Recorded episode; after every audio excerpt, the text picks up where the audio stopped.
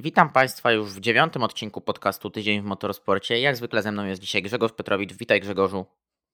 Cześć Piotrze, dobry wieczór Państwu. I myślę, że już możemy przejść do tematów, jakie mamy przed sobą, a przed sobą mamy troszkę tematów, które były w miniony weekend, które będą w ten weekend. I zacząłbym od tego, co było w zeszły weekend, czyli wyścigu WeatherTech Sports Car Championship na Laguna Seca, bo było on bardzo emocjonujący z wielu powodów. Czy to walka w klasie GTP, która bardzo nas elektryzowała, czy debiut JDC Miller i jego nowego Porsche 963, czy to walka w klasach GTD Pro i GTD, czy nawet walka w klasach LMP2, która była też tam dość zacięta. Tak, mieliśmy naprawdę bardzo sporo świetnej walki, właściwie szczególnie właśnie w GTP tak naprawdę cały czas tam działo coś od startu, no tak powiedzmy do, do późnej, do końca ostatniej neutralizacji, tam cały czas coś się działo, najpierw Porsche nam mocno spadły, ponieważ były, były, były błędy obydwu kierowców, yy, którzy, co ciekawe, zdobyli pierwszy rząd w kwalifikacjach, były błędy na właśnie zawodników, którzy otwierali ten wyścig w szóstce oraz siódemce. Następnie właśnie Akura MSR nam się wysunęła na prowadzenie i to ona przez jakiś czas tam e, liderowała. Potem z kolei do głosu znów doszedł Cadillac. E, przez moment jeszcze tam BMW gdzieś tam podskakiwało. Mieliśmy sporo bardzo fajnych momentów walki, sporo bardzo fajnych pojedynków. No, jak to nagrywamy w środę, to wydaje mi się, że w czwartek, piątek już powinien być dostępny na YouTube powtórka całego wyścigu. Naprawdę gorąco zachęcam do tego, by go obejrzeć. Jest e, parę takich fajnych momentów na przykład jak BMW 1 dosłownie na przestrzeni dwóch, trzech zakrętów zostało wyprzedzone przez dwie Akury, jedno Porsche. To był chyba Conor de Filippi, to był jeden chyba z momentów e, całego wyścigu właśnie jak walczyli w trafiku, jak właśnie Conor de Filippi bronił się w trafiku przed właśnie dwoma Akurami, przed Porsche i do korkociągu ten, ten manewr e, chyba Filipa Albuquerque właśnie w Wayne Taylor Racing, o którym też sobie później powiem troszkę szerzej. No to był po prostu genialny moment, genialny ruch. To jest coś, to była jedna z takich ozdób tego wyścigu. Jeszcze walka y, dwóch Porsche chyba i BMW oraz jednej z Akur, gdyby dublowali chyba Corvette, to też był świetny moment. Y, czwórka, czwórka od GTP walczących y, ze sobą pozycję właśnie w trafiku. To jest tak kwintesencja sprintów Wimsa Car Championship.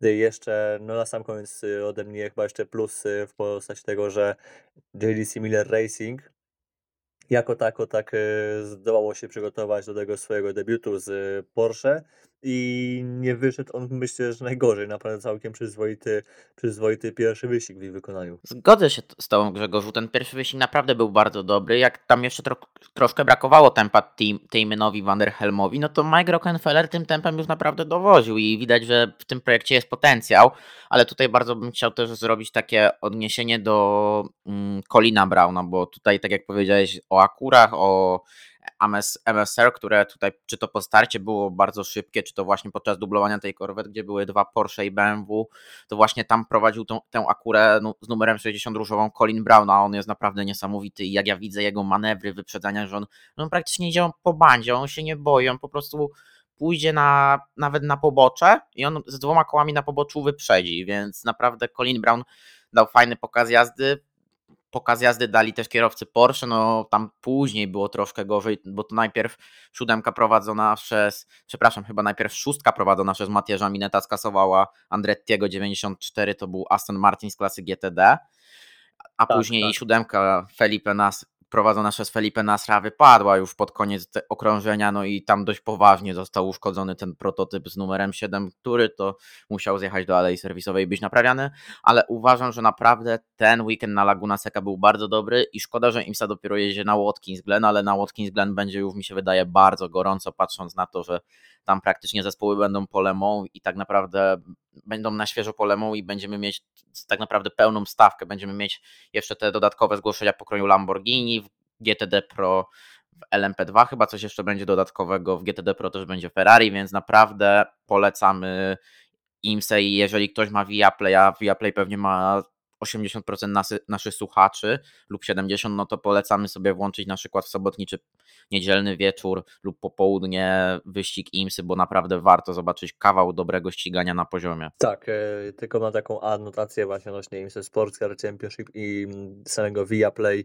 E, myślę, że bardzo dobry, to jest chyba taka bardzo dobra zachęta dla Viaplay ku temu, aby mieć komentarz polski przez cały sezon, a nie tylko na Daytonę. Uważam, że okej, okay, IndyCar jest świetny. To jest, to, jest, to jest fenomenalna seria i tu nie będę z tym w ogóle argumentował, bo myślę, że tego, głupi by się z tym, tego głupi by się z tym jakoś kłócił. Natomiast uważam, że jednocześnie IMSA Sport Car Championship, czy nawet y, Ferrari Challenge, gdzie startuje Szymon Ładniak, zasługują na polski komentarz, y, w szczególności właśnie IMSA które takimi mistrzostwami czymś, no to, jest, to są mistrzostwa amerykańskie, ale masz tam mocnych kierowców właściwie z całego świata. Tam jest, y, to jest druga najmocniejsza po WEC seria endurance'owo-sprinterska, y, gdzie masz y, świetne maszyny GTP, masz auto LMP2, masz samochody GT3, niektóre nawet ze wsparciem fabrycznym. Jest sporo świetnej walki od startu do mety.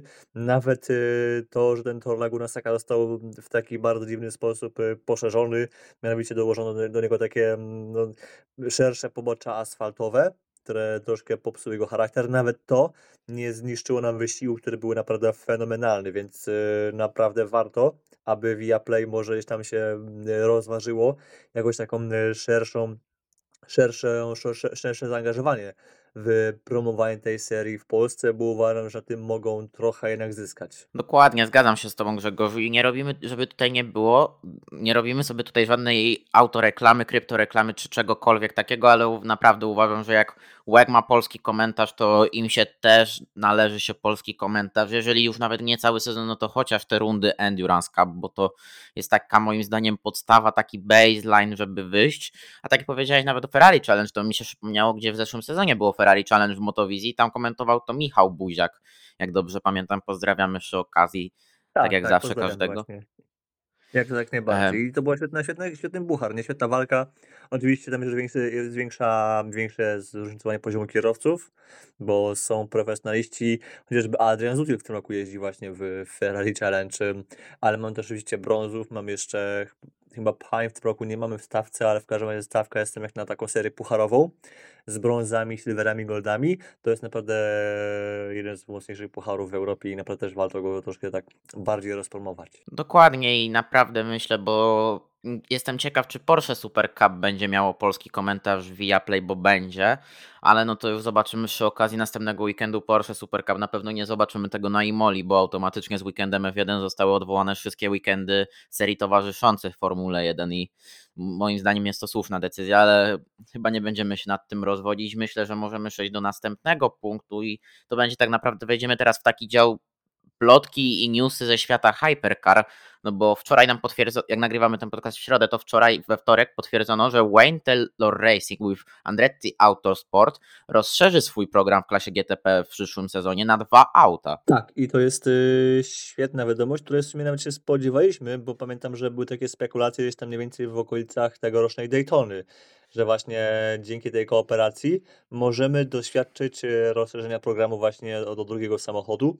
Wayne Taylor Racing to jest y, mimo że ma, ma sporo osiągnięć, ma masę wygranych Dayton, yy, czy to w DPI, czy jeszcze w DP i tak dalej, to to nie jest y, zbyt duży zespół. Właściwie to jest jedyna ekipa w GTP, poza JDC Miller Racing, y, która nie ma zespołu w serii IndyCar. I to jest dość mały zespół właśnie z takimi mniejszymi zasobami, a naprawdę jest y, Giant Killerem, właściwie sam sobie z gigantem, tak można to powiedzieć. Um, uważam, że właśnie zasługują na jakieś takie większe wsparcie i fajne jest to, że dzięki Andretti, dzięki wsparciu Andrettiego. Nie wiem, czy to jest, e, czy jest wsparcie tylko finansowe, czy może Andretti ma też jakieś udziały. Tutaj nie wiem, jaki jest, jaki to jest procent właśnie udziałów. E, chyba tam są jednego... udziały jakieś, ma no Andretti, jak dobrze pamiętam. Spekuluje się, ale nie znamy dokładnych e, wartości, więc możemy tutaj tego przypuszczać. W każdym razie fajne jest to, świetne jest to, że właśnie dzięki temu ta ekipa może postawić kolejny krok do przodu, a uważam, że to właśnie, że na to zasługują. Chociażby właśnie też dzięki tej kooperacji będziemy mieli teraz w przyszłości WTR będzie częściowo stacjonować właśnie w tej wielkiej bazie, jaką buduje Andretti Global, gdzie przygotowują się pod projekty typu, typu NASCAR, oczywiście cały czas operacja IndyCar, e, potencjalnie przyszła operacja w Formule 1 i jeszcze cała masa innych e, serii wyścigowych. I mam nadzieję, że tu, że dla, dla, ten, dla Wayne Taylor Racing to jest e, świetny krok naprzód. I to też to nieco nam zasila plotki, napędza plotki odnośnie ich startu w Le Mans. No bo skoro masz drugie auto, no to masz też więcej, wiesz, podwozi, części zapasowych, więc potencjalnie gdzieś tam robi się jakaś taka rezerwa, która pozwoliłaby ci oddele- oddelegować część personelu właśnie na ten, na start w Le Mans. Oczywiście osobną kwestią jest też to, yy, czy wystarczy pieniędzy na to, na to. Ale już na pewno możesz powiedzieć, że masz na to sprzęt, masz wystarczającą ilość, wystarczającą ilość części zapasowych, etc., by jedno auto spróbować wystawić. Yy, To, czy IMSA, czy to, czy WEC i ACO zgodzi się właśnie dopuścić do startu w Le Mans auto totalnie spoza tej serii, auto, którego nawet, yy, którego, którego marka nie jest w ogóle obecna w WEC-u, bo Hondy czy tam Akury nie ma w ogóle w WEC-u i nie wiemy jeszcze, czy będzie w przyszłym roku. Yy, Im dłużej czekamy, tym bardziej możemy wątpić w to, czy właśnie Honda się zaangażuje, bo jednak musielibyśmy najpóźniej gdzieś tak w, w okolicy właśnie samego Le Mans dostać oficjalne potwierdzenie, bo im później to, to ta szansa będzie maleć, ale no jestem ciekaw, czy właśnie Akura, gdyby chciała, czy Akura, czy WTR z Akurą, gdyby zgłosili się właśnie tej zimy do startu w Le Mans za rok, to czy dostaliby zaproszenie, bo okej, okay, Cadillac dostał, w sensie Action Express, w, w tym roku, ale pamiętajmy też, że Cadillac ma właśnie jedno auto na stałe z ekipy Chip Ganassi Racing, więc ono jest, ma, że powiem, homologację na WEC i ono jest, że powiem, z tego tytułu już dopuszczone. E, plus też, no właśnie chyba e, Action Express też chyba tam wchodzi jako zeszłoroczny mistrz całej serii, dobrze pamiętam? E, oni tam wchodzą z zaproszenia specjalnego jakby o, dla IMSY do Hypercar, no bo Akura nie mogła z tego zaproszenia skorzystać i ani MSR, ani WTR nie mogły z tego zaproszenia skorzystać, A. więc ono zostało scedowane po prostu na Willen Dobra. Engineering. Zapomniałem, że przecież MSR byli mistrzami rok temu, nie wiem czemu o tym zapomniałem, w każdym razie e, no właśnie dostali to miejsce, e, ale no właśnie dlatego też między innymi, że już, że już Cadillac jest i tak w hypercarach, więc jakby to też e, troszkę pomagało koniec końców. Czy WTR dostanie jakieś miejsce właśnie w Le Mans za rok? No już na pewno są ku temu większe szanse, ale tak właśnie kluczem do tego do startu w Le Mans będzie jednak to, czy do połowy czerwca Honda jako centrala japońska się zdecyduje na angaż w hypercarach. Jeżeli to, jeżeli to nie nastąpi ku po, najpóźniej w połowie czerwca, to osobiście ja bym już yy, odkładał tą właśnie tą myśl o, o Hondzie w hypercarach na rok 2025 już. Tutaj jest bardzo ciężka sprawa, no bo jak nawet by- byśmy brali pod uwagę jednorazowy start Akury w Le Mans, no to i tak by trzeba to auto wrzucić w- e, około stycznia do tunelu aero, Tunelu. aerodynamicznego Zaubera w Hinwil, żeby je homologować pod łeg, no bo ono jest homologowane pod IMSA, ale IMSA ma troszkę inny ten technical ru- rulebook od e, World Endurance Championship. Ale myślę, że Honda może nas zaskoczyć, tylko nie podczas Le Mans, a myślę, że gdzieś w okolicach Moncy, może po Moncy. Bo Patrząc na to, pamiętasz o tym, o tym, o czym rozmawialiśmy w poprzednim odcinku, czyli o tym, że GMB y, chce wejść z Hondą do WECA w GT3 i tutaj gdzieś jest wsparcie Honda Racing. I więc myślę, że tutaj centrala japońska może jeszcze się zastanawiać i też jestem ciekaw, jaka w tym rola Michaela Andrettiego i czy Michael Andretti na przykład gdzieś rozmawia z Tokio i mówi słuchajcie, to trzeba wesprzeć, chociaż wątpię, no bo wszystko jest organizowane przez HPD w IndyCar, ale mam nadzieję, że tutaj właśnie będzie to, że centrala japońska nas zaskoczy i powie wchodzimy w to, wchodzimy w Hypercar, wchodzimy w GT3, dajemy, dajemy praktycznie rękę na to i rób ta co chce ta, że tak powiem, no i dajemy na to pieniądze. Ja myślę, że Andretti na pewno właśnie tutaj już e, smaruje cholewy, pod właśnie pod, robi jakieś podwaliny właśnie w centrali japońskiej, tak jak powiedziałeś właśnie Honda, program Hondy w IndyCarach czy w IMSie, to jest e, wszystko jest niezależne od Japonii, bo to jest właśnie, wspomniałem przez Ciebie HPD, czyli Honda Performance Department i to jest e, podlega tylko, tylko i wyłącznie Akurze, a Akura, a Honda, normalna Honda centralna właśnie z Japonii, nie ma nic w USA do gadania tak naprawdę. Tam jest, y, Acura ma prawie że zupełną autonomię, ale koniec końców to jest cały czas Honda, Y, więc y, jakby Acura nie może swojego modelu samochodu zrobić, bo po prostu, bo to jest po prostu rebadżowana Honda, z Honda z innym, innym znaczkiem, ale w pozostałych kwestiach, y, w kwestii właśnie sportowych i tak dalej, y, no to, no to HPD i Acura mają właśnie w USA mają pełną, pełną niezależność, no ale właśnie jeżeli by chcieli w, w Europie, czy po prostu w Mistrzostwa Świata się pojawić, no to faktycznie tak, tu już centrala Japonii ma tu już e, decydujący głos i myślę, że faktycznie Andretti jak najbardziej będzie chciało e, położyć pieniądze, by właśnie, by WTR właśnie z nimi poszedł właśnie do Le Mans, by, nie wiem, by ewentualnie e, Andretti jako sam zespół sobie na przykład y, wystartował z jakimś wsparciem, załóżmy personalnym z WTR, gdyby właśnie WTR dostało od Hondy z centrali, dostało jakieś parę groszy, powiedzmy, po prostu jakieś, finansowanie, które, które po, pozwoliłoby im wysłać tych ludzi do, do Europy.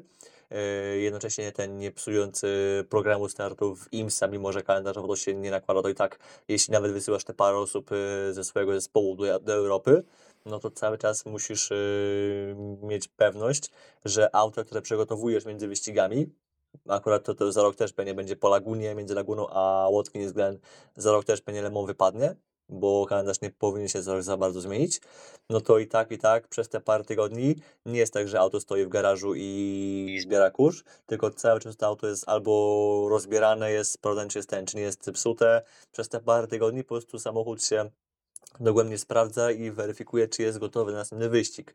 Więc nawet takie wysłanie ludzi z WTR-a to i tak są pieniądze i myślę, że Andretti idąc do brzegu, pewnie już tutaj yy, podliczył hajs, jaki właśnie potrzebują, yy, jaki tam chciałaby Honda, żeby Andretti dołożył, żeby to było możliwe. Ja wierzę, że to jest jak najbardziej możliwe. E, Robert wie, że to jest możliwe, jak to cytując klasyka. Ja myślę, że Hondę za rok zobaczymy w, przynajmniej w Le Mans, ale czy w pełnym sezonie? E, ja jestem, e, póki co jestem sceptyczny. Większe prawdopodobieństwo jest, że zobaczymy inną markę z Azji. Nie za rok, ale może za dwa lata w łek. Dokładnie i właśnie jak już jesteśmy przy tematach azjatyckich, Hyundai, który tak naprawdę temat Hyundai'a Hypercar gdzieś wy, wy, wybrzmiał nam e, w okolicach listopada, grudnia.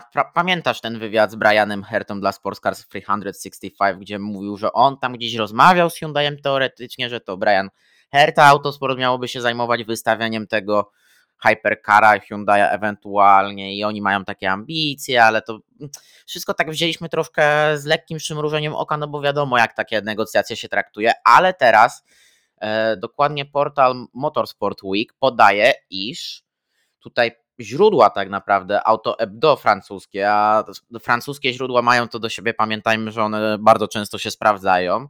E, tutaj e, szef Hyundai'a, działu motorsportów Hyundai'u, a pamiętajmy, że jest nim Cyril Abiteboul od początku tego roku, rozmawiał z byłym dyrektorem technicznym Williamsa w Formule 1, François Xavierem Demazon, który jest też znany z tego, że budował bardzo dużo, bardzo dużo aut mistrzowskich Volkswagena e, World Rally Championship, e, że, żeby tutaj jakby gdzieś żeby De Mayon razem z Abitebulem stali się liderami programu Hypercar Hyundai. Nie, nie wiadomo, czy chodzi tutaj o, klas, o regulację klasy LMH czy LMDH, ale jest to bardzo ciekawe. Tak, e, chociaż ogólnie powiem Ci, że plotki odnośnie Hyundai'a też są prawie tak stare, jak e, plotki McLarena łączącego z klasą Hypercar, ale tutaj w przypadku Hyundai'a dzięki temu, że to jest, e, to są takie rzadkie, rzadsze wyskoki, to, to jakoś nie wiem czemu osobiście bym bardziej temu zawierzał i daję temu większą wiarę, że właśnie Hyundai faktycznie może być tym zainteresowany.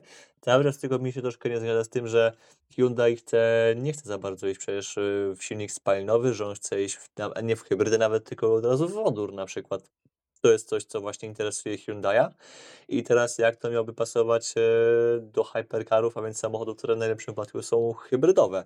E, no chyba, że FACO ma gdzieś tam w już może bliższej perspektywie plan, aby dopuścić silnik wodorowy do klasy hypercar, chociaż e, zrobienie z tego silnika, znaczy zrobienie z tego typu napędu pojazdu, który będzie konkurencyjny względem Toyoty, Ferrari albo chociażby Glickenhausa, no to, to już to będzie spore wyzwanie i nadal uważam, że do końca tej dekady byłoby ciężko zrobić e, hypercara, który byłby napędzany e, napędem wodorowym i jednocześnie byłby konkurencyjny względem właśnie względem normalnych obecnych e, LMH czy LMDH, ale wydaje mi się, że po prostu Hyundai na razie chce, chciały pewnie wejść, spróbować i pewnie jak będzie kolejny rulset albo dwa rulsety później, to wtedy by właśnie chciał ten wodór zaatakować, a to na razie jest pewnie podwalina.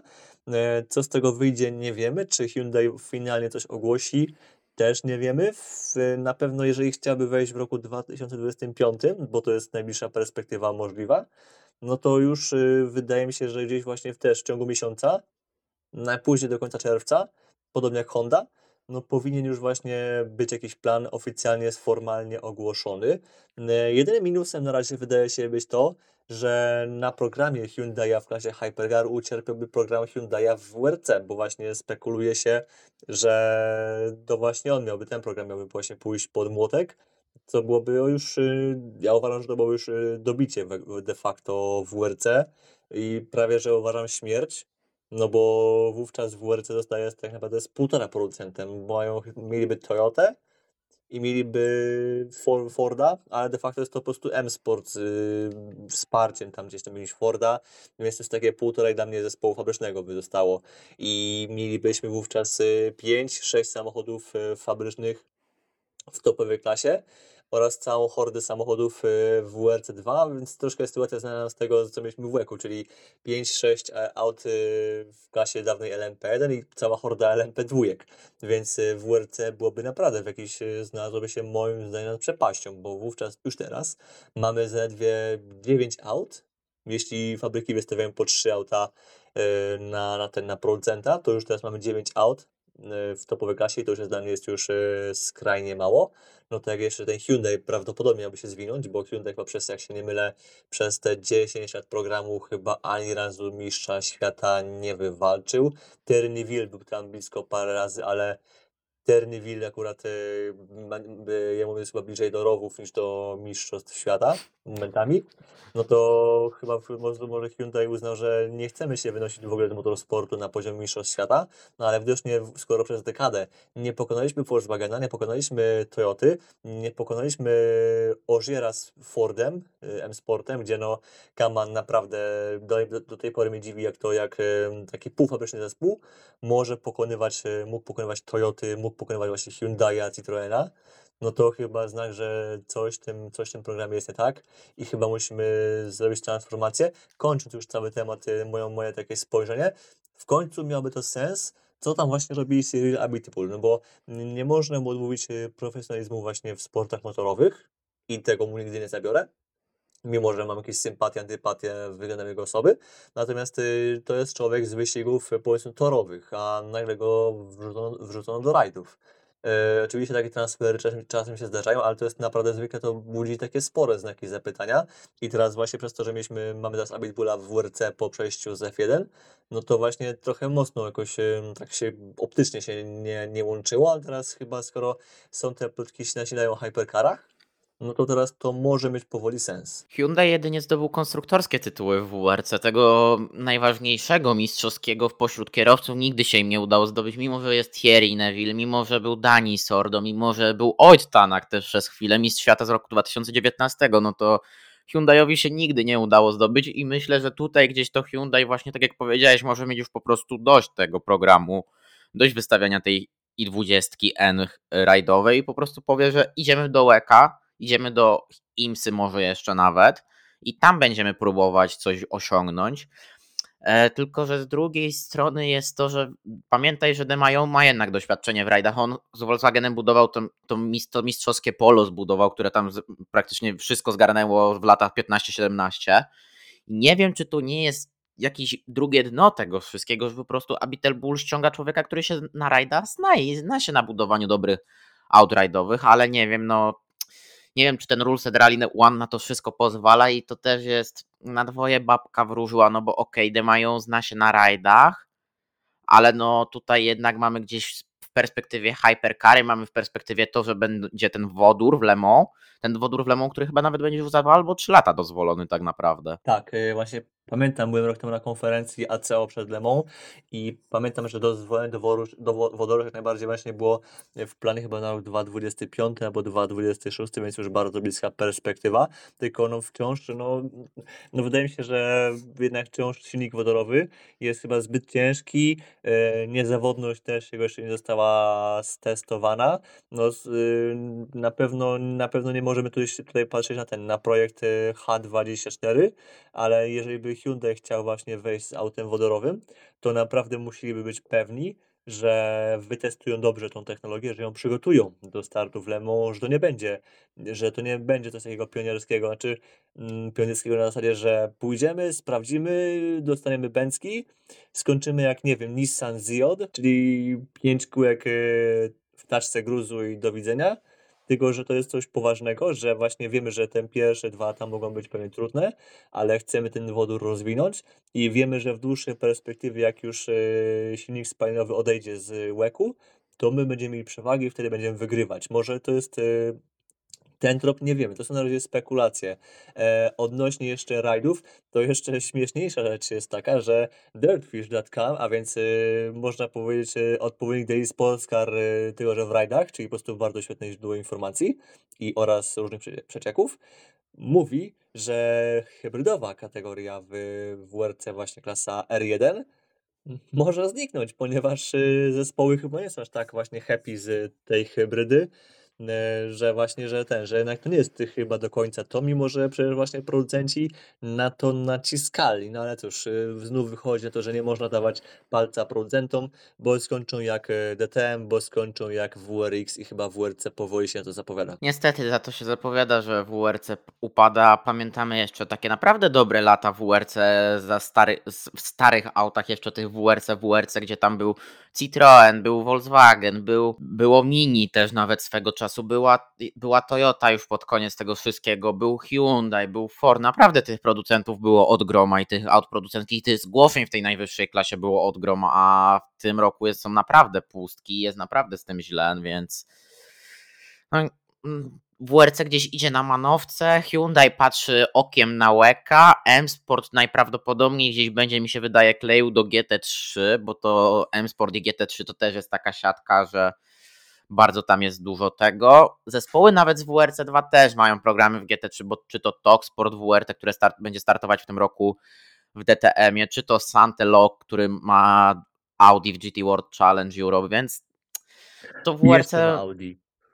Jeszcze, ale Jeszcze, bo już y, tak przerwę, przepraszam, przerwę, ale y, przypomnę, przypomnę sobie, że na Brands, jak oglądałem wyścigi teraz w GT World Challenge, to komentatorzy na podium y, no bardzo wyraźnie wskazywali na to, że to ten, progr- że ten pro- temu programowi właśnie Audi niestety chyba jest już bliżej końca niż no początku. Wiadomo, że kiedyś, kiedyś każdy z producentów podejdzie, wróci i tak dalej, ale wydaje się, że to Audi może być już faktycznie nie, że już jest zaklepana sprawa, ale no jest coś naprawdę na rzeczy. Niestety jest już na bliskim wylocie i komentowałem to w poprzednim odcinku, że byłaby wielka szkoda, ale myślę, że możemy już powrócić do takich typowo hypercarowych tematów, no bo Cadillac nam tutaj też się zaczyna gdzieś rozkręcać i tutaj e, Mark Stillow, czyli dyrektor motorsportów General Motors, czy Lara Wontrop-Klauser, czyli menadżerka programów Sports Car General Motors, mówią o tym, że chcą rozszerzyć program Chipa Ganassiego w WEG do dwóch Audi. Będzie to moim zdaniem bardzo dobry, bardzo dobre podniesienie poziomu rywalizacji. Też, no, bo jednym autem jednak, no okej, m- dzięki temu nie musi, jak nie musisz się fokusować na dwóch samochodach, to ci ułatwia pracę. E, I podobnie też bywało w niektórych ekipach w MotoGP, że masz jeden sprzęt, nie musisz kupić, sfokusować się na drugiej załodze, to fajnie ci jednak pomaga. Z drugiej strony jednak dwa auta to jest dwa razy więcej danych i po prostu jak się rozbije jedno albo jedno się zepsuje, no to masz jeszcze czym walczyć, więc y, ja jak najbardziej bez przedłużania kibicuję tej idei. Chętnie zobaczę jeszcze klienckiego właśnie, nie wiem, Action Expressa, czy jakąś inną, jakiś inny podmiot wystawiający, wystawiający Cadillaca, no chociażby z tego, co cały czas liczymy, z obecnej stawki LMP2 zostają nam dwa zespoły, które na razie nie mają, y, nie mają y, żadnego jakiegoś związku z hypercarami w najbliższej przyszłości i mam nadzieję, że któryś z tych y, albo granatowy, albo żółto-zielony zespół nam się z Cadillaciem pojawi, ale z tego co pamiętam, jedną z wypowiedzi, nie pamiętam czyjej, to wiem, że klienckie auta Cadillaca najwcześniej będą w roku 2025. No ale nawet jak to będzie to rok 2025, to i tak jeszcze to będzie jeszcze ten czas prosperity w hypercarach, przynajmniej powinien być, no chyba, że się Peugeot się obrazi wcześniej, albo ktoś inny jeszcze uzna, że już e, po tym roku dwóch im wystarczy, może Alpine na przykład, no to myślę, że wtedy powinniśmy mieć właśnie prywatne Cadillaki jeszcze, może nie Action Express, może jakaś inna ekipa gdzieś tam się wystawi, może ktoś z USA przyjdzie na ten, na stałe do łeka, who knows? W każdym razie to jest bardzo fajna perspektywa. Jak się uda za rok mieć dwa Cadillaki, to będzie świetnie.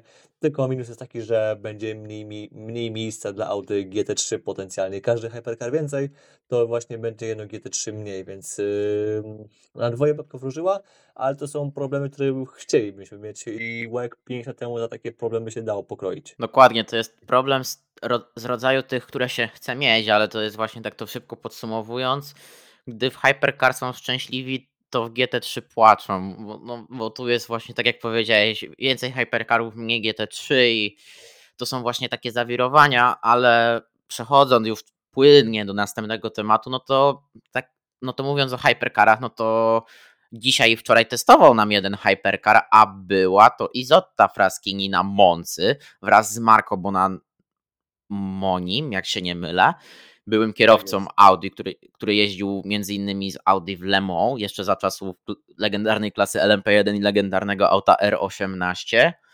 I tutaj jak widziałem takie gdzieś przebitki z toru, czy, nie, czy jakieś takie filmiki, no to Izotta naprawdę ładnie wyciąga ten program testowy i wygląda to naprawdę bardzo dobrze, więc tylko czekamy na to, jak to będzie się rozwijało. Może też będę miał trochę więcej do powiedzenia na ten temat w najbliższych dniach, jak dostanę odpowiedź z Vector Sport od Garego Holanda na moje pytania, bo pisałem, napisałem pytania już do pani Fiony Miller, bardzo miłej oficerki prasowej Wektora i zobaczymy. Jak dostanę odpowiedź, to będę pewnie już na portalu na czterech kołach przetłumaczę wywiad i będę go publikował, więc Zobaczymy, jak to wygląda ten progres w wektorze, ale już też wychodząc z hypercarów, chyba że masz jeszcze jakieś zdanie na temat Izotty Grzegorzu.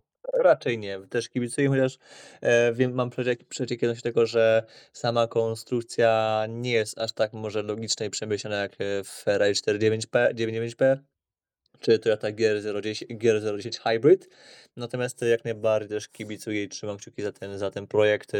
Zobaczymy jak to się zakończy, jak to będzie wyglądało w Bahrajnie, bo antycypowałbym właśnie debiutu w Bahrajnie, chociaż e, z tego co mi wiadomo, to debiut w Bahrajnie to jest y, najgłupsza rzecz, jaka może, mo, można by zrobić w tym programie obok debiutu na Fuji, bo jeśli nie udałoby się zadebiutować auto na Monzy, to nawet debiut w Bahrajnie oznaczałby, że homologujemy auto w sierpniu, a to oznacza, że marnujemy 4 miesiące testów, y, które moglibyśmy po prostu wydać, wydać na testy, no ale cóż, Isota jest y, napalona na ten debiut w tym roku jak szczerba teraz suchary. Mam nadzieję, że mi się będzie wiodło. Ciekawie to podsumowałeś. Mam nadzieję, że ktoś tam pójdzie po rozum do głowy i powiedzą, hej, debiut w Bahrajnie to nie jest najlepszy pomysł, chyba że, chyba że Pamiętasz, jaka była propozycja wyrzucona dla Porsche w zeszłym roku, że możemy wam pozwolić na występ niehomologowanego LMDH w bo tam chyba było bez homologacji, by pojechało Porsche wtedy.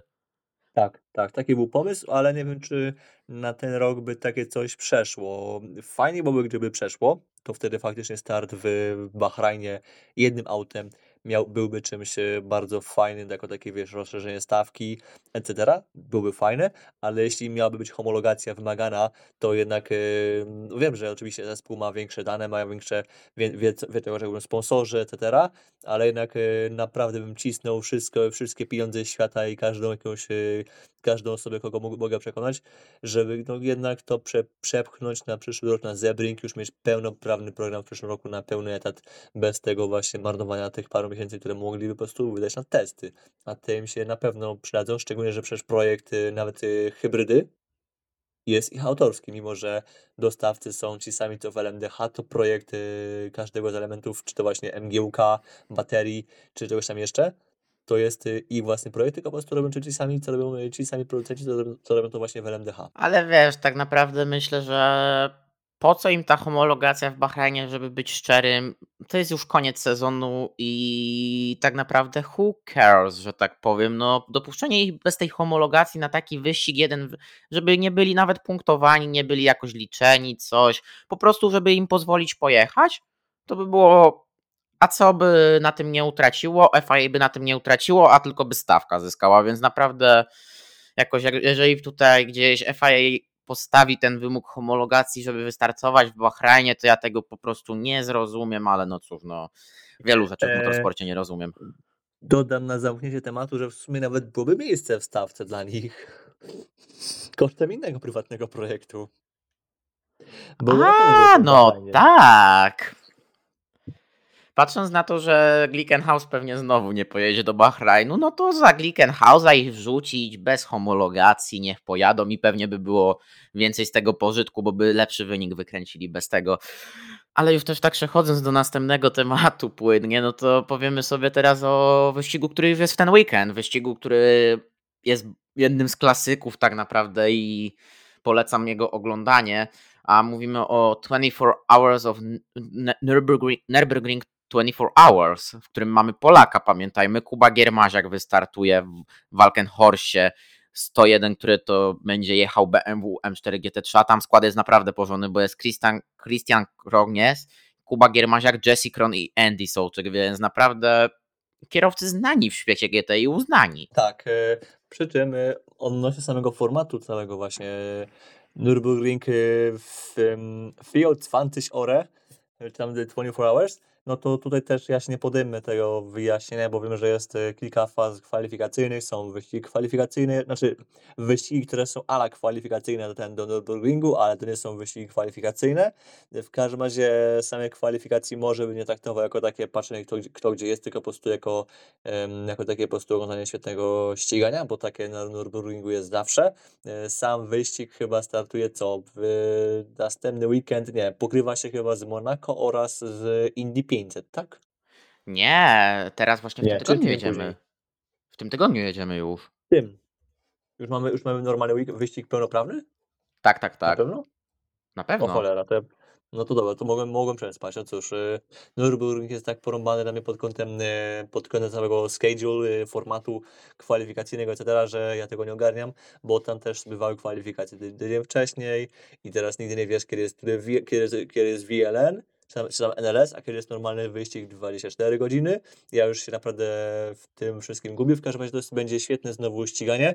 Oczywiście takie mm, ranga tego wyścigu jest taka, mm, dla mnie jest taka nieokreślona, bo z jednej strony masz tam fabryczne zespoły, ale niemieckie zespoły fabryczne, plus tam rok temu był Aston Martin, ale z drugiej strony masz też y, auta GT4 z silverami oraz brązami, masz auta TCR, masz tam y, klasę dla y, auto GT, GT prototypów y, a la Glickenhaus 004, którego w tym roku nie będzie, masz tam klasę dla aut historycznych jak Opel Manta, która by the way e, została odbudowana i w tym roku się pojawi na Nürburgringu, a jeszcze masz nawet klasę dla jednego auta typu Dacia Logan z, ze spoilerem z laminatu oraz e, tanimi alufelgami z Tesco, więc to jest naprawdę z jednej strony jest to wyścig na miarę 24 Hours Spa z profesjonalistami, z wyrąbanymi fabrykami, gdzie masz e, fabryczne wsparcie, załóg i tak dalej, a z drugiej strony jest to track day, gdzie właśnie, gdzie ktoś może się nawet wbić e, na listę startową e, taką Dacią Loganem, nie? Więc dla mnie to jest taki świetny wyścig,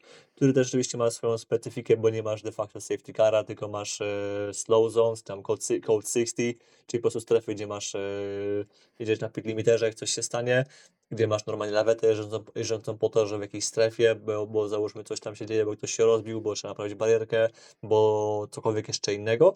E, To jest taki bardzo dziwny wyścig. No i masz czasami ewentualnie KTM, który stara się, e, będący jeszcze kulą ognia, bo kierowca, który z niego wyskoczył, nie miał jak go zablokować, żeby się nie stoczył. Pamiętam to, tę sytuację. No.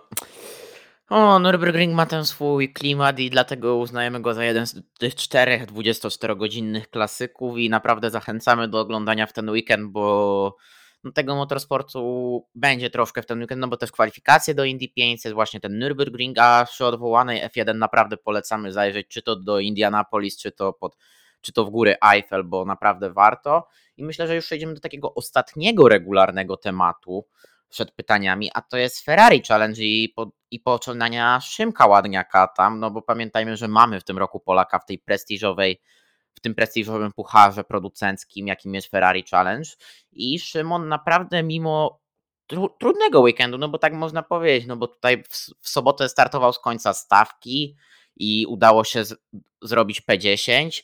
E, niedziela była już zdecydowanie lepsza, ale no gdzieś to tempo, troszkę na koniec tego tempa zabrakło jest P7, ale naprawdę te pierwsze wyścigi można uznać za udane Szymka i kibicujemy mu. Tak, naprawdę Szymon pokazuje, że, ten, że robi jakiś tam progres. Oczywiście pamiętajmy też, że nie możemy go odnosić do całej stawki. Bo też e, tam są kierowcy troszkę niżsi rangą względem niego, więc też e, nie możemy też mówić o P10 jako czymś e, ultra super. Oczywiście fajnie jest się przebić z końca stawki na dziesiąte miejsce, bo wiadomo, stawka jest w miarę zrównana, ale jednak Szymon oczywiście jest troszkę wyższy rangą, oczywiście nie jest jeszcze goldem, platyną i tak dalej, bo chyba ma rangę silver, ale jest, tam jest liczony jako kierowca profesjonalny, do tej klasy profesjonalnej, no to naprawdę tak i tak robi całkiem fajne postępy. Szymon, pamiętajmy, też ma e, więcej doświadczenia z autami turystycznymi, więc też e, z, z trzeciej z kolei strony auta GT to wciąż jest dla niego jakaś tam nowość. E, trzymamy kciuki, bo naprawdę on obok Kacpra Sztuki, Romana Bilińskiego, Piotra Wisińskiego i tak dalej jest kolejnym, jeszcze Mateusza Kaprzyka, jest kolejnym młodym zdolnym, który robi właśnie postęp, który właśnie robi, który cały czas się rozwija. On idzie troszkę inną drogą niż właśnie niż Kaprzyk, y, Twu Kaprzyk, Sztuka oraz y, Wiśnicki, bo idzie od razu w sportskary. No ale zobaczymy, który z nich za 5 lat będzie mógł powiedzieć, że jest yy, że jest tym, tym, jest tym następcą Roberta Kubicy, bo który z nich już na pewno nie będzie. E, szczerze to powiem Ci, że tak nie lubię nazywania następcą, ro, następcą Roberta Kubicy, no bo to jednak panowie mają, są po prostu e, Roman Biliński jest Romanem Bilińskim, Kacper Sztuka jest Kacperem Sztuką, Szymon Ładniak jest Szymonem Ładniakiem, Mateusz Kaprzyk Mateuszem Kaprzykiem i tak dalej, i tak dalej. Można nawet iść w karting i tak, mam nadzieję, że chłopaki odnoszą, od, odniosą sukcesy w swoich dziedzinach, czy to właśnie tak jak mówimy o Mateuszu w LM, przez LMP3 przebije się do LMP2 i wyżej, czy to Szymon przez Ferrari Challenge do GT3 i tak dalej, czy Kacper Sztuka, przepraszam, przez F4 do wyższej serii juniorskich. Tak, ja to rzuciłem tak stricte, stricte żartobliwie, to rzuciłem właśnie to określenie, bo sam też się go wystrzegałem przez lata jak ognia, bo właściwie każdego kierowcę, którego wcześniej zaprosiło się do pytań na siadanie, czy dzień dobry, jakaś tam telewizja, czy do innej siadaniówki mówiło się i dawał mu się pasek oto następca Roberta Kubicy, to więcej o tym kierowcy zwykle nie słyszeliśmy. No jedynie ten Kuba Giermaziak się tak jakoś tam nam się uchronił, ale też po tej wieloletniej przerwie w startach więc e, cóż, to jest, to jest klątwa, to właśnie nazywanie kogoś następcą Kubicy, ale punkt jest mój taki, że e, chodzi o, o następcę Kubicy w kontekście tego, że z tych pięciu chyba kierowców, bo sześciu nawet, który z nich no, na pewno utrzyma tą karierę, który z nich na pewno wyjdzie nie, że na ludzi, bo nie wiem, czy który z nich dojdzie, dojdzie do, chociażby do F3, znaczy F3, do F2, o F1 już nie mówiąc, ale który z nich na pewno się zakręci na dłużej, nie wiem, w LMP2, może który z nich tam gdzieś, nie wiem, się posiedzi w, w, w hypercarze fabrycznym, prywatnym, e, czy pójdzie, nie wiem, będzie się ścigał w IndyCar. Na pewno któryś z tych sześciu już e, da radę. Jak mieliśmy dawniej po jednym kierowcy, nie wiem, e, tylko Kubę Germaziaka, tylko Patryka Szczerbińskiego, tylko tam, nie wiem, Antoniego Ptaka, czy tylko e, Antoniego Ant, e, Antoniego Jarosza, nie, tfu. Artura Jarosza, Janosza, Janosza no to jak mieliśmy tylko po jednym takim rodzynku, no to wiadomo, że to jest yy, 50% szans. Albo tak, albo nie. Teraz jest tych yy, szans jest więcej i który z nich na pewno wyjdzie na ludzi. To ja na to mogę, się mogę pod tym podpisać. Też się pod tym podpisuję bardzo śmiało, że naprawdę będziemy mieć któregoś z chłopaków na wysokim poziomie. Tak, może mówić do pytań od kibiców, tak jest? Tak, tak, tak. Przechodzimy do pytań od naszych słuchaczy. Pierwsze pytanie od Wojtka06. E, czemu Formuła 1 nie organizuje Grand Prix Francji na to, że Lemon, w domyśle to jest cirkus Bugatti. Pewnie o Bugatti chodzi, ten, tą, tę krótszą nitkę. Tak jest. Y, tu powodów jest kilka i niech od tego zacznę. Zacznę od bezpieczeństwa. Po pierwsze, Circuit de Bugatti, czyli ta konfiguracja krótsza, ta konfiguracja krótsza, której Formuła 1 ścigała się nawet raz w, w latach 60. E, ona obecnie nie spełnia standardów bezpieczeństwa FIA. W, według FIM, czyli Federacji Motocyklowej, ma jak najbardziej Grade 1, co troszkę mnie w sumie dziwi, bo tam widzę miejscami, że są betonowe ściany bez zasłonki, a betonowe ścianki to nie jest najbezpieczniejsze rozwiązanie w motorsporcie, e, takie gołe nieosłonięte. E, no to według FIA to jest e, Grade 2 i chociażby z punktu z właśnie bezpieczeństwa, to nie ma prawa właśnie, nie ma prawa przejść w takim, w takim kształcie, jakim jest teraz. Natomiast yy, i tutaj nie wiem, czy może jakieś poprawki można stosować, może tak, może nie. Na pewno myślę, że infrastrukturalnie pod kątem tego, jak można do tego no, toru dojechać, jak jest yy, z kwestią bazą hotel, hotelową, to na pewno jest tu lepiej niż na manicure czy na, czy na Paul Ricard, to mogę, no bo on, bo Le Mans po prostu jest y, torem przy mieście de facto, właściwie jest, też cze- jest częścią miasta y, tenże tor i pod kątem y, hoteli czy dojazdów y, nie ma problemów. Natomiast jest jeszcze inny problem, który stoi na przeszkodzie, a pro, tym problemem jest y, ACO. ACO, czyli, Feder, czyli e, Automobil Klub Zachodni, francuski, który jest też ym, właścicielem praw komercyjnych do FIA, WC, LMS i tak po prostu nie wpuści F1 no ten, do Le Mans, choćby nie wiem ile Liberty Media by im zapłaciło, nawet, nawet gdyby nie oni płacili, tylko Liberty Media by im płaciło, no to nie ma szans, żeby to się udało, no bo w Le Mans, Le Mans ma się kojarzyć z jedną rzeczą, z wyścigami długodystansowymi. I czy to jest wyścig długodystansowy FIA, WC, yy, ta najważniejsza 24, czyli właśnie ten, ten wyścig samochodowy, czy motocyklowy, czy wyścig, nie wiem, czy bieg e, pieszy, czy wyścig kolarski, bo tak, są wyścigi kolarskie 24-godzinne, yy, to musi to być właśnie endurance. Jedynym wyjątkiem jest e, MotoGP, no ale MotoGP nie pojedzie nam na Paul Ricard, nie pojedzie nam na manikir. E, więc y, to jest problem właśnie ten ze strony właśnie właściciela całego toru. E, ktoś się pytałby może, gdyby, co było, gdyby spróbować wyścig, zrobić wyścig na, ten, na, na tej pętli dłuższej, no to cała masa standardów FIA też tutaj nie pozwala, no bo długość toru jest pozaregulaminowa, plus nawet, y, nawet jeśli ten tor ma Grade 1, bo tor, y, konfiguracja ta długodystansowa ma Grade 1, ale jest Ma Grade 2, Grade nie 1. ma, nie ma. Nie ma? Nie ma, No nie ma, jest tylko Grade ale z 2. drugiej strony hypercary są dopuszczane, bo hypercary wymagają klasy Grade 1. E, No to powiedzmy, że mm, żeby wyjaśnić, dlaczego hypercary mogą jeździć, e, jeździć na tym torze, mimo że to jest Grade 2. To jest coś jak z Monaco, że gdyby ten tor, taki tor powstał teraz, no to wiadomo, że nie ma szansy, by to przeszło, ale do tego, że to, że to jest heritage, historia i tak dalej, całe stulecie historii, no to, to się po prostu utrzymuje, no bo to jest, y, no bo nie wykosisz Le Mans z łeku, no bo e, łe- Le Mans sobie poradzi bez łeku, ale łek bez Le Mans sobie nigdy nie poradzi i tak jest mój statement i podobnie jest też chyba z Monaco, chociaż w mniejszym stopniu, że e, Monaco bez F1 sobie da radę, Oczywiście F1 bez Monaco też sobie da radę, tylko już to po prostu nie będzie to samo. Ale łek sobie bez, y, bez Le Mans, no raczej nie byłby atrak- tak atrakcyjny.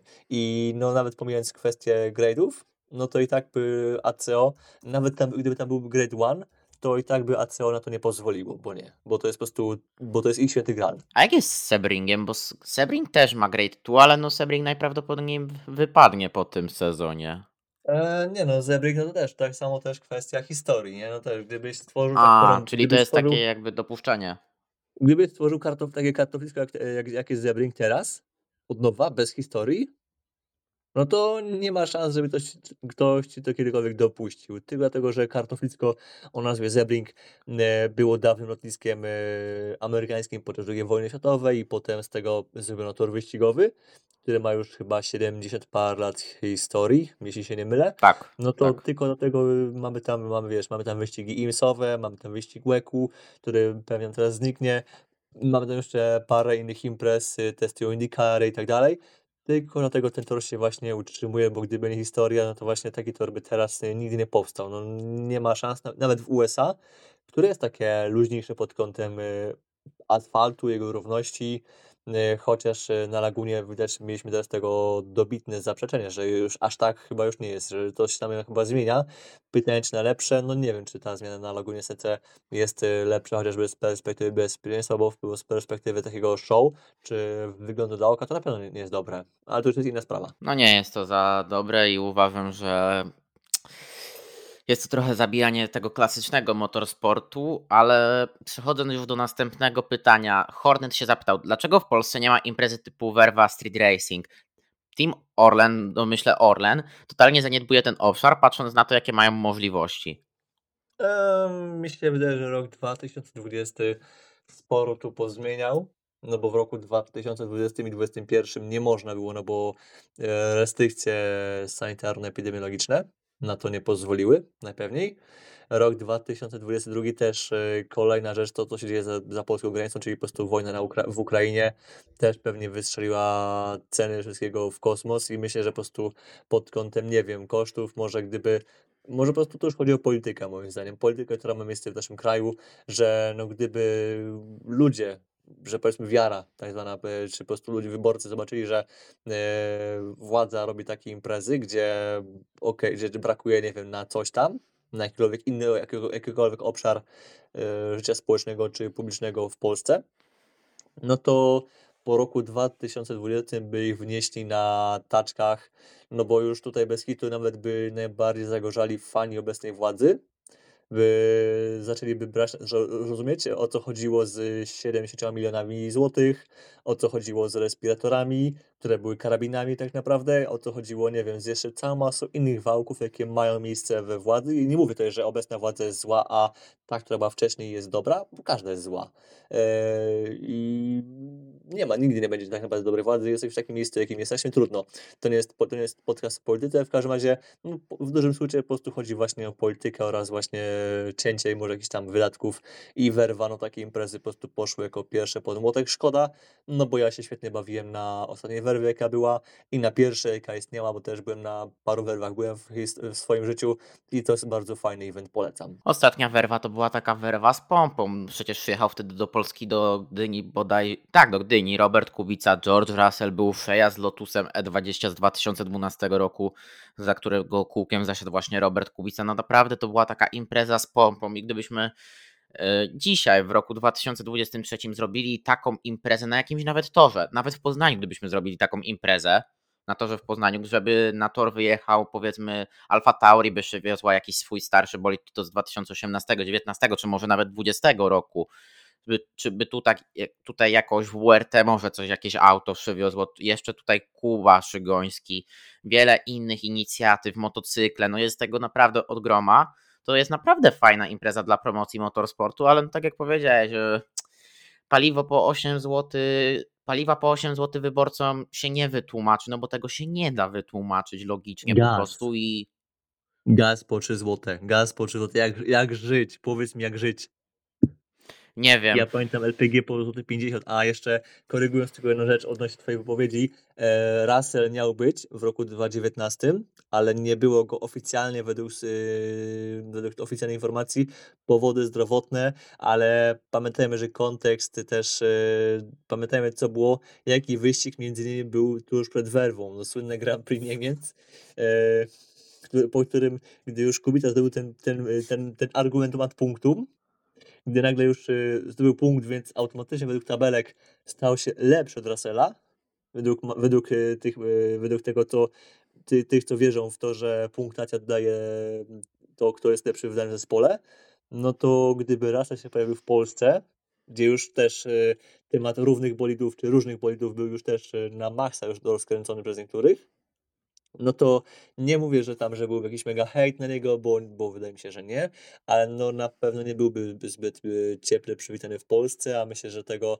on by chciał uniknąć, y, nie wiem, czy władze Orlenu by, by to było na rękę, czy nie, nie wiem, ale po prostu na pewno sam raz by wolał tego uniknąć, a odnośnie toru Poznań, no to przecież mieliśmy w roku 2010, mieliśmy imprezę, w teorii było to Renault, bo to było Renault R29 w barwach Renault R30, E, I w teorii był to zespół też Renault, ale pewnie to była też jakaś ekipa do eventów specjalna i mieliśmy przez właśnie Roberta Kubicy na tym, na torze Poznań, gdzie właśnie jeździł R29. E, rekordu chyba toru Poznań nie pobił, bo chyba rekord ustanowił ktoś, kto jeździł chyba jeszcze bolidem F1 z czasów V10 albo i starszy, młodszy, nie pamiętam. W każdym razie była taka impreza i też, gdyby właśnie udało się taki picking zrobić, to, to właśnie jeszcze z udziałem WRT, czy udziałem jakiejkolwiek innej e, ekipy, która jest jakoś związana właśnie z polskimi kierowcami, czy właśnie nawet z Orlen Teamem i tak dalej, no dla mnie to byłoby też e, coś świetnego pod kątem właśnie samego promocji motorsportu, no ale powtarzamy właśnie polityka, e, sprawy bieżące, gaz po 3 zł, benzyna po 8 zł, chleb po 5 zł, no bo jeśli drożeje benzyna, to drożeje wszystko. 800 plus w końcu, no to wszystko jednak e, rozgrzewałoby niektórych do czerwoności, nie do końca w pozytywnym, pozytywnym sensie. Dokładnie, ja też już nie chcę naprawdę się wypowiadać na temat sponsoringu ogólnie w sporcie, jaki zachodzi, w spółkach państwowych i tak dalej, bo na ten temat można by się rozwodzić i rozwodzić i kusi mnie od jakiegoś czasu taki felieton dość, dość duży, no bo jednak to się, jak to się czyta, czy to jakieś, jak wchodzę na Onety jakieś czy inne, no to widzę, czy to Polski Związek Tenisowy, czy to Koszykarski Związek, czy to PKOL, czy to coś już po prostu afera na aferze i człowiek już gdzieś też yy, widzi to w swoim środowisku, ale też nie ma czasu skomentować i też nie będę tego komentował na razie, no bo to polityka jest, a też nie chcę na razie aż tak się pchać w tą politykę i myślę, że tym akcentem zakań- swoją wypowiedź. Jasne, jasne. Ja się Tylko jeszcze- tyl- Tylko jeszcze dodam, że ten nieoficjalny rekord, o którym mówiłeś, Toru, no to jest około minuty 14 sekund Marka Gina w bolidzie Ferrari. A nie Marka Żenę? Ale tak, Marka Nie wiem, tak, jak- bolid Ferrari. Czyli pewnie jeszcze słynna wizyta e, Michaela Schumachera w, w tym, w, w Polsce, gdzie jeszcze Andrzej Borowczyk pie- chyba jeszcze, nie miał wszystkich złotych zębów, e, ma z nim zdjęcie i chwali się, że zamienił z nim dwa słowa. To chyba jest e, ten moment, ta sytuacja, to ten event. Nie powiem ci, nie powiem tak szczerze, bo nie wiem, czy to jest ten event. Nie pamiętam tak naprawdę po prostu, bo pamięć ludzka jest czasami mocno zawodna i wypadają takie rzeczy z głowy, ale no to już był tak naprawdę nasz ostatni akcent dzisiejszego podcastu. Dziękujemy bardzo za słuchanie. Ja jak zwykle polecam artykuły Grzegorza na motohigh.pl, social media Grzegorza, Instagram, Twitter, gpiotrowicz66, Grzegorz Motorsport Piotrowicz na YouTubie, moje social media Szczepanik o moto, Facebook, Twitter, Instagram, Szczepanik o motorsporcie na YouTubie. No i cóż, i polecam w ten weekend kwalifikacje do, polecamy tak naprawdę w ten weekend kwalifikacje do Indy 500 i Nürburgring 24 Hours Oda 24 UO. To są dwie wersje, ale kto, co- kto co woli, czy woli ktoś angielski, czy niemiecki. I oddaję na, tobie, na koniec tobie głos Grzegorzu. Tak jest. Ja też e, dziękuję. Zapraszam właśnie ten do śledzenia właśnie Twoich pierwszych social mediów, moich social mediów, do śledzenia właśnie wyścigów, które będą w ten weekend. I cóż, e, dziękujemy. Do usłyszenia. Dziękujemy bardzo, do usłyszenia.